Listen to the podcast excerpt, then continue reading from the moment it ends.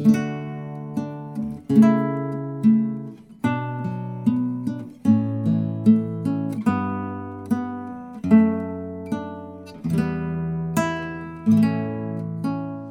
دايما العقل لوحده هو القادر على الاحتفاظ بالذكريات. أحيان كتير حواسنا الخمسة بتخزن جزء كبير من خبراتنا في الحياة. حاجات شفتها أصوات سمعتها أو أشياء لمستها ممكن تستدعي في لحظة مواقف وبشر وأزمنة. كل حلقة هتكون رحلة عبر حواس أحد الأشخاص. نفتح فيها خزنة ذكرياته من خلال اللي هتستدعيه حواسه الخمسة. أنتم بتسمعوا بودكاست ذاكرة الحواس وحكون معاكم في الرحلة منى الشايب.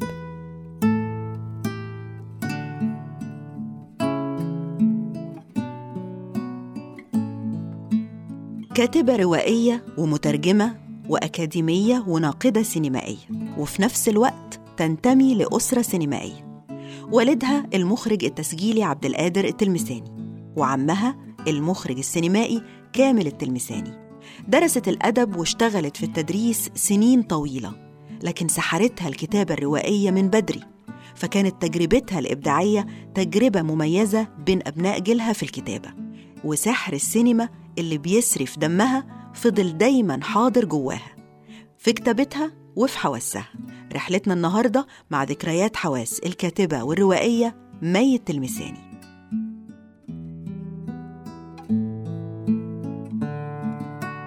أحيانا بنحتار بين الحواس عندنا.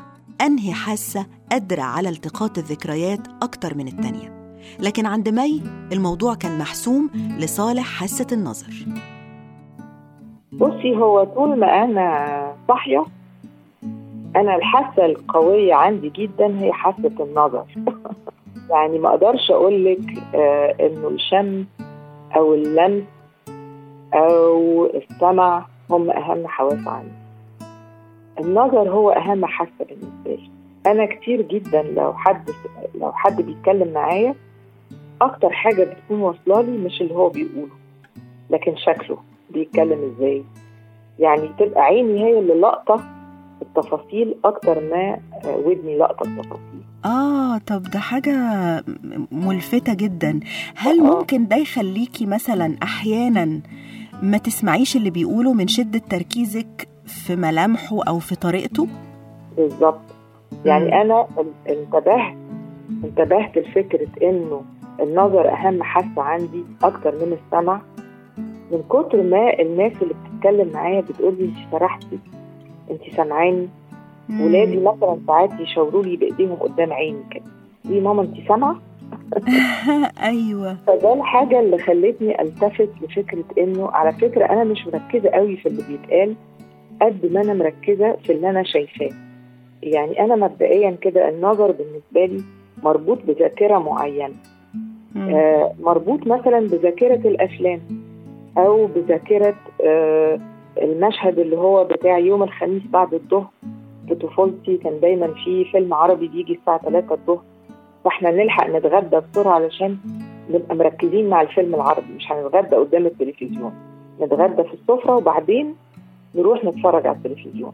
ففي مشاهد من النوع ده هي محفورة في ذاكرتي بمعنى إيه؟ بمعنى إنه من كتر ما اتكررت هي بقى ليها تاريخ ومربوطة بذاكرة الذاكرة البصرية. فأنا بفتكر جدا جدا مشاهد من طفولتي ليها علاقة بجدتي مثلا أو مشاهد من طفولتي ليها علاقة بوالدي قاعد على المكتب بيشتغل. ممكن ما دارش بينا حوار أو ما دارش يعني ما كانش فيه آه مش مش فاكرة كلمات معينة اتقالت أو كده. بس فاكرة المشهد نفسه. حركة مم. مثلا هو وهو بيشرب القهوة. حركة وهو بيقلب صفحة. عارفة؟ هي. تفاصيل كلها ليها علاقة بالبصر. وبعد كده أنا كتبت يمكن قصة آه عن فكرة إحنا بنشوف إزاي أو بنتأمل إزاي بنشوف الناس اللي حوالينا إزاي وإيه نوع المعلومات اللي بتوصلنا لما بنبص على الآخرين. يعني بتوصلنا معلومة عن السن بتوصلنا معلومة عن الأناقة الجمال الموضة آه الابيرنس ده أو المظهر ده. آه يدينا معلومات إزاي؟ يعني بيقول لنا إيه عن الأشخاص اللي إحنا بنتأملهم أو اللي إحنا بنشوفهم. ومش على فكرة النظر مش بمعنى ال- ال- البحلقة يعني. أيوه أيوه هو فاهمة. آه. آه هو طبعا. هو النظر وبعدين ترجمة اللي انت بتشوفيه لمعلومات لمشاهد لحواس لتقدير للشخص اللي قدامك لاكتشاف لجماله أو لجمالها. طريقته في الكلام آه، آه، حاجات تشبه. ولأن الذاكرة عند مي غالبا عبارة عن مشاهد سينما الصوت دايما مرتبط بالمشاهد دي زي ما يكون موسيقى تصويرية لفيلم موجود في ذاكرتها بتفتكره أول ما تستدعي المرحلة كلها. آه عندي اصوات كتير جدا. مرتبطه برضه هقول لك أنا كنت ساكنة على ميدان والصبح بدري أول حاجة بتسمعيها تصحي عليها ودي كانت حاجة حظنا حلو يعني. على ميدان ومن الناحية الثانية من الميدان في جنينة كبيرة جدا كنا إحنا بنسميها الغابة. لأنه هي جنينة فعلا كبيرة. أيوه. فكنت بتصحي على زقزقة العصافير. فتصوري إن في الصوت ده يعني مرتبط بذهني بال بالهناء والصفاء والجمال وكل اللي أنت عاوزاه. لكن الميدان ده كمان كان فيه مترو. آه فصوت المترو. صوت المترو. زحمة المترو بقى وصفارة المترو. فهو الصبح بدري ده كان مرتبط قوي بفكرة إنه في زقزقة عصافير وفي المكنة دي. طب لما بتسمعي العصافير في أي حتة في في العالم وأنت سافرتي طبعا كتير آه بيفضل صوت العصافير بتاع آه البيت القديم آه مختلف؟ آه تماما هي بتبقى منظومة كده متركبة مع بعضها. هي الخلطة اللي بقولك عليها دي. لأنها فعليا كانت مرتبطة بالطفولة وبالسنوات بقى اللي هتصحي الصبح تروحي المدرسة. وأنا كنت مب- ببقى مبسوطة إني رايحة المدرسة مش من الأطفال اللي يكرهوا المدرسة أو طب جميل ده انت نادرة الوجود.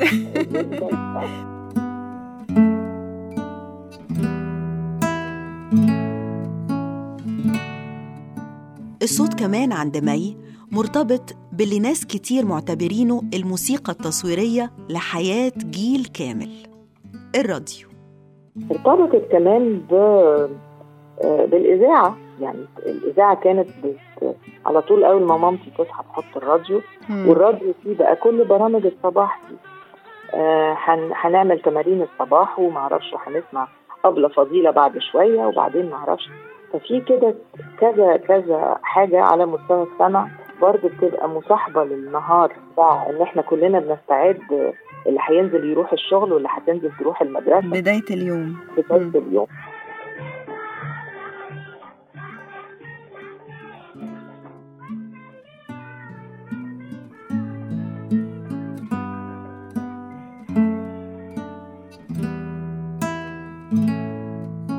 ولما نوصل لحاسة اللمس فالرابط بيكون شخص معين مجرد لمسة منه تستدعي إحساس القرب والأمان والدفى في نفس الوقت. بصي لحد النهارده وربنا يطول في عمر مامتي يعني خد مامتي. أنا خد مامتي ده أقول لها أنت خدك قطيفة وهي كده فعلا. أنا كنت بحب القطيفة كقماش وكملمس وإحنا في طفولتنا دي كانت أشيك حاجة. يعني الصالون القطيفة ده كان أشيك حاجة. أو لو مثلا عندك فستان قطيفة كانت حاجة بتبقى شيك جدا. يعني والملمس ده يعني راسخ في ذهني تماما. فلحد النهارده أحب لما أجي أبوسها أو ألمسها افتكر على طول ملمس الخد الناعم ده حلوة زي قوي. أحيان كتير بنستغرب لما بنلاقي نفسنا بنحب ريحة معينة ومرتبطين بيها على مدى سنين حياتنا. لكن لو فكرنا ودورنا شوية هنلاقي السبب. آه عندي آه ريحة هي امتدت برضو عايزة أقول من وقت الطفولة لحد النهارده اللي هي ريحة زهر البرتقال عارفة البرتقانة لما تبتدي تزهر؟ ده ريحة من الجنة متهيألي. يعني الجنة المفروض يكون فيها شجر برتقال يعني ده ده تخيلي. إحنا كان عندنا بيت صغير في القرية كده بنروحه في في الأجازات وكانت شجر الموالح فيه شجر جميل جدا كان فيه ليمون وبرتقال ويوسفندي وكده ومانجا. فكانت لما تكون شجرة البرتقال مزهرة دي ريحة بالنسبة لي ريحة من الجنة. بعدين لما كبرت اكتشفت إن أنا آه، عندي addiction للبرتقال الدكتور حتى في لحظة قال لي البرتقال ده غالبا عندك نقص كالسيوم فبحب جدا البرتقال واليوسفندي والموالح بصفة عامة. واحتمال ده يكون الحقيقة بس أنا متهيألي إن ده ليه علاقة بريحة شجرة البرتقال وارتباطي بيها على مدار الطفولة. ده أكيد. بعدين لما كبرت بقى بقى عندي أنا نفسي أرض وبقت كلها مزروعة برتقال وأجمل يعني فصول السنة بالنسبة لي لما أروح آه، أقعد في الأرض في البيت اللي في الأرض كام يوم ويبقى البرتقال مزهر بقى. لدرجة الله العمال آه، عرفوا الحكاية دي في الأرض فيجيبوا إيه؟ تبصي تلاقيهم مجمعين آه، زهره البرتقال. وحاطينها لي في طبق وحاطينها لي على الترابيزة قدام باب البيت كده. الله. الصبح ألاقي طبق طبق مليان زهر برتقال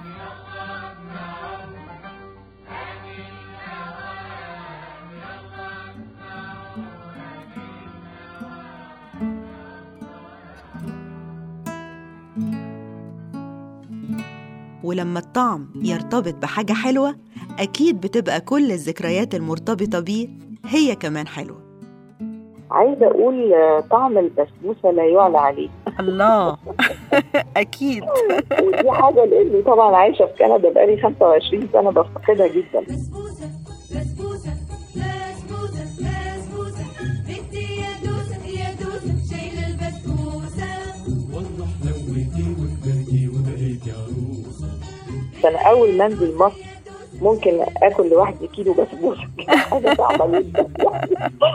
ما تقدريش تسيطري على نفسك. هو طعم البسبوسة حاجة من آه. ورا العقل. بس عايزة اعترف إنه ما حدش في عيلتي ولا أنا شخصيا عمرنا عرفنا نعمل بسبوسة كويس. إحنا بنشتريها من حلواني شاطر. يعني مش أيوة عايزة أقول أسماء. آه. بس أهم الحلواني الحلواني في مصر محلات الحلواني في مصر بشتري منها البسبوسة السك دي عارفة اللي هي ما فيهاش أي أيوة السادة. السادة. آه. هي دي أكتر حاجة ب... وعارفة برضو هي كلها حاجات يعني الحواس آه، اللي اللي بت... اللي بتسعدني هي الحواس اللي بفتكرها طول الوقت سواء في النظر أو في اللمس أو في الطعم أو في الريحة أو كده. هي حواس كلها مرتبطة شوية عندي ب- بفكرة الفرح البهجة السعادة. هي أكن ال ال ال يعني النزول لمصر أو السفر لمصر هو يعني ليه كام طقس كده مرتبط بيه. آه. أول ما هوصل المطار وأنا ممكن في العربية بكون بتكلم في التليفون بطلب بسبوسه عشان أوصل البيت الله.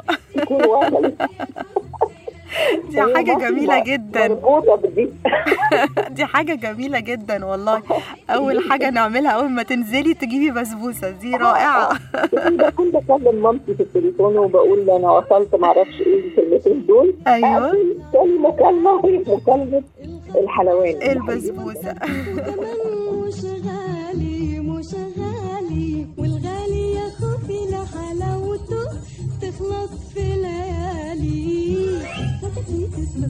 بقتش تحل البسبوسة بسبوسة بسبوسة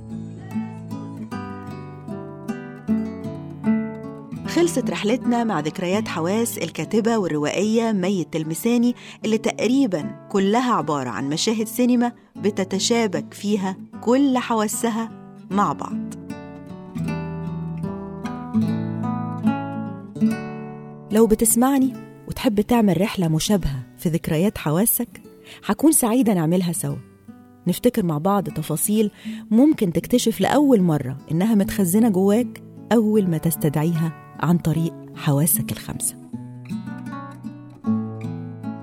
كانت معاكم في الرحلة منى الشايب وأنتوا بتسمعوا بودكاست ذاكرة الحواس.